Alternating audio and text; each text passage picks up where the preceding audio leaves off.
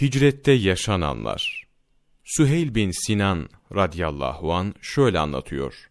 Hazreti Peygamber sallallahu aleyhi ve sellem sizin hicret edeceğiniz yer bana gösterildi. Orası iki taşlık arasında çorak bir arazidir. Bu durumda ya Hacer'dir ya da Yesrib'tir, Medine'dir buyurdular. Sonra da beraberinde Hazreti Ebu Bekir radıyallahu an olduğu halde Medine'ye hicret ettiler. Ben de onlarla birlikte gitmek istemiştim fakat Kureyş gençleri buna mani oldular. Ben o gece hiç oturmaksızın ayakta dolaştım durdum. Gençler karnı ağrıyordur diyorlar ve beni ishal olmuş zannediyorlardı. Halbuki benim hiçbir şeyim yoktu. Onların uyumalarını bekledim ve sonra yola çıktım. Fakat biraz sonra arkamdan yetiştiler. Beni yolumdan alıkoymak istiyorlardı. Onlara, benim çok param vardır. Onları size verirsem yolumdan çekilir, hicret etmeme izin verir misiniz dedim.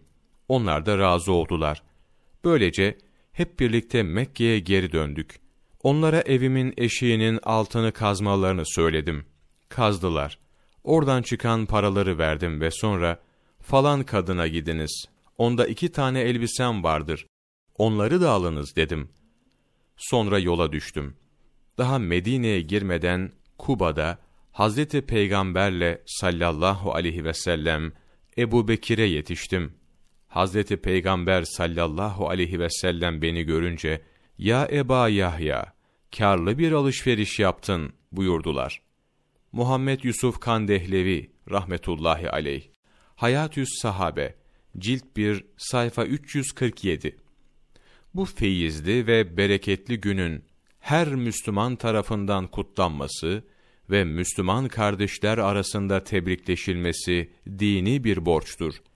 Bu hicretle doğan İslam devleti, 30 yıl gibi çok kısa bir zamanda Endülüs'ten Çin'e kadar cihanın en kıymetli mıntıkasında insanları din ve vicdan hürriyetine, sulha ve sükûna, barış ve huzura kavuşturmuştur.